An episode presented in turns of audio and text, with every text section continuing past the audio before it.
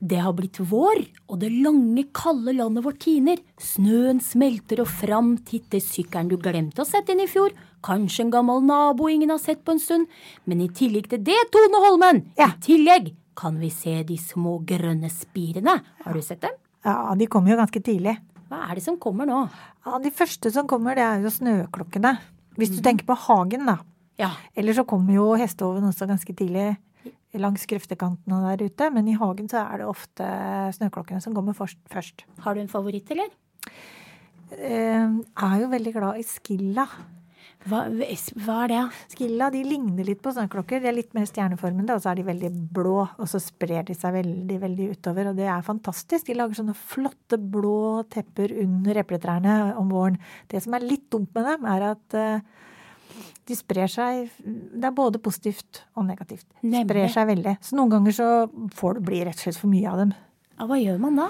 Ah, jeg har slitt litt med det, da. Jeg har funnet ut at det lureste og det slemmeste, det er når de står i full blomst, så meier du dem ned.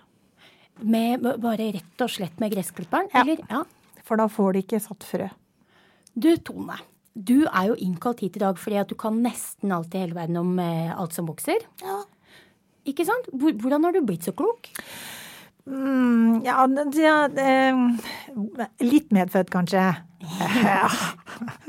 Men, eh, mm, men jeg har jo holdt på veldig mye med hage i mange år. I 25 år. Og er superinteressert. Og jeg regner med at du kanskje har, har du lært av dine egne feil, da, eller? Ja, og det er veldig dumt å lære av sine egne feil, for ting går jo litt langsomt i hager. Sånn at eh, det hadde nok vært lurt for meg å høre litt mer på andre, eller å prøve å lese meg opp. Så det anbefaler jeg til alle, egentlig. Prøv å lese deg litt opp. Husker du en grusom feil du har gjort? Ja, eh, en av de første virkelig dumme tingene jeg gjorde, var fordi jeg var så fortvila over at det var egentlig ikke så veldig mye som blomstra i hagen min. Det var prestekrager, og så hm, det var ikke så veldig mye annet, egentlig. Så derfor så satte jeg så mye fredløs som jeg bare kunne, som er de gule spira liksom som står i alle hager.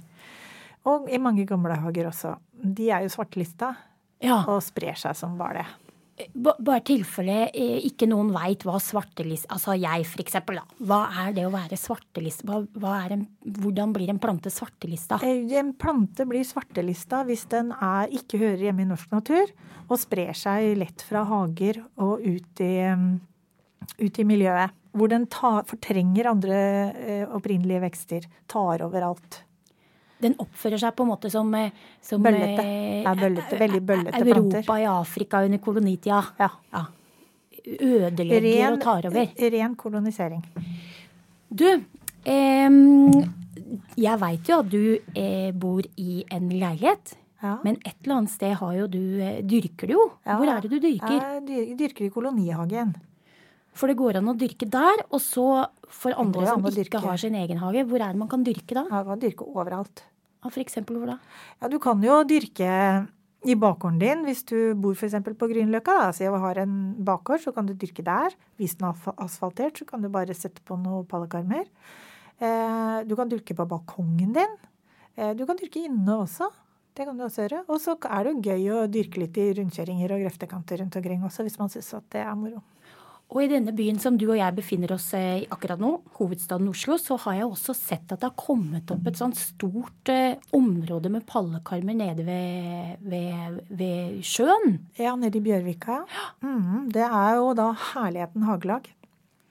Som er eh, plassert eh, rett ved to svære luftetårn.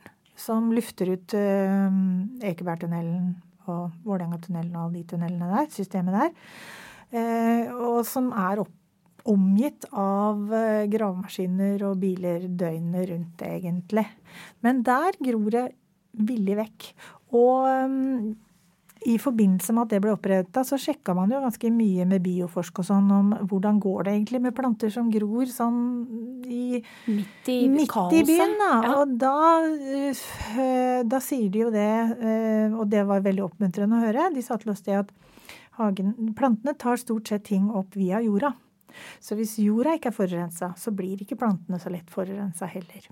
Det var godt å Så man kan trygt spise salat som er vokst opp i, i Bjørvika. Men du Tone, Nå er jo fortsatt jorda kald.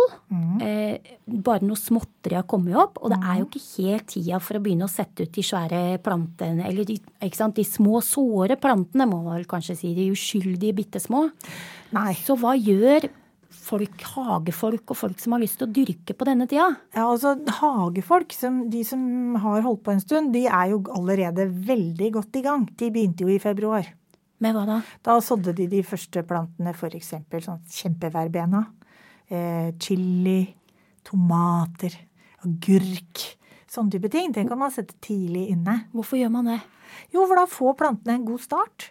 Eh, de er blitt store og fine og har fått et ordentlig rotsystem før du planter dem ut. Da får du tidligere avling. Og så kanskje man planlegger litt, da. Blar i bøker, kanskje. Ja. Mm, hageporno. Det er mye hageporno på den tida av året. Ikke sant? Ja. Og vi har med litt grann hageporno her. Altså, Ja. Vi har med et par bøker, fordi det jeg tenkte å spørre deg om, er Det fins ufattelig mange bøker. Og så er jo noen av dem, regner jeg med, som er bedre enn andre. Hva kjennetegner en god hagebok? Ja, dette er et, et av mine yndlingstemaer. Um, når du bor i Norge, så det som kjennetegner en god hagebok, er at den er skrevet for det nordiske klima. Hvorfor er det viktig? Fordi at eh, det er forskjellige herdighetssoner i, i Europa, i verden. Og i Norge er det ganske hardføre forhold. Eh, eller er Vi trenger hardføre planter fordi det er tøffe, tøffe forhold. Eh, veldig mange hagebøker er eh, laga f.eks. i Storbritannia. Engelskmennene er jo fantastisk flinke med hage. Men de har eh, helt andre forhold enn det vi har her. Så veldig mye av det som de eh, skriver om, det går ikke i Norge, rett og slett. Så hvis vi kan si at det første du egentlig ikke nødvendigvis blir skygge unna, men vite om når du eh, skaffer deg en hagebok, en plantebok, er at den bør være for norske forhold. Den bør være for norske Hvis forhold. den ikke er det, så er det ikke noe annet enn en, eh, en pornobok. Ja, hvor du kan se på bildene se på. og kose deg med det, men Ja. utover det, du har ikke noe nytte av det. Veldig lite nytte av det. Andre ting som man bør skygge unna?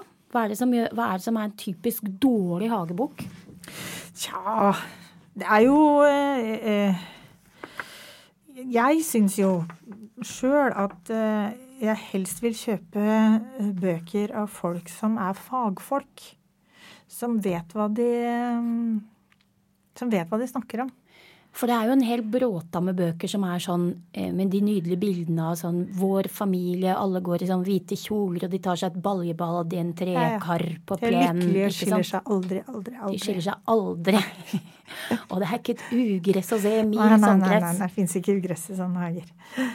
Nei, så det er, no, det er eh, nyttig, men det er jo kanskje litt vanskelig å vite. Men Hageselskapet anbefaler jo eh, bøker, og selger også bøker fra folk som vet hva de snakker om. Tommy Tønsberg, eksempel. Ikke sant? Tor Småland. Hvis du skulle komme med kanskje eh, tre eksempler på bøker som du tenker kan være ålreit å ta en titt på, da? Ja.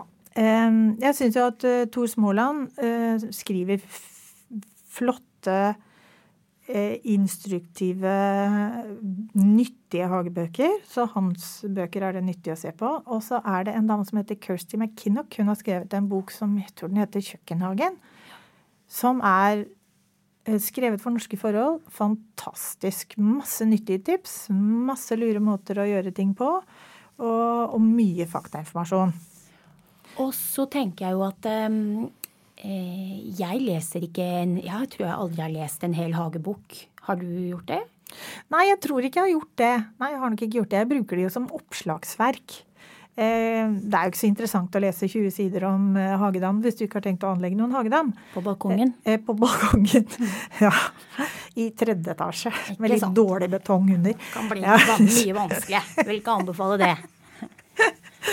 Nei, så eh, eh, oppslagsverk. Og så kan man jo google masse, da. Disse bøkene er jo ikke alltid lette, men det går an å lese en bit. Det går an å se på bildene. Og så Ja. fins det en hagebok som er enkel tekst og kjempelett. Ja, det er synd det ikke er flere, men det fins én, og den er veldig god. Og den er skrevet av Dorte Jefsen, og den heter Den lette hageboka. Eh, og den er ikke ny. Eh, men eh, henvend deg kanskje på biblioteket. Bibliotekarer er helt fantastiske å finne, til å finne ting. Så hvis du får tak i den, så er det et veldig bra sted å starte. Den er enkel å lese, den har fine tips, den er eh, Ja, det er en super bok. Har du et eh, motto til slutt? Et lite slagord kanskje, som du har lyst til å dele med andre? Ja, de har et yndlingsslagord, da. Det er jo selvfølgelig 'rett vekst på rett plass'.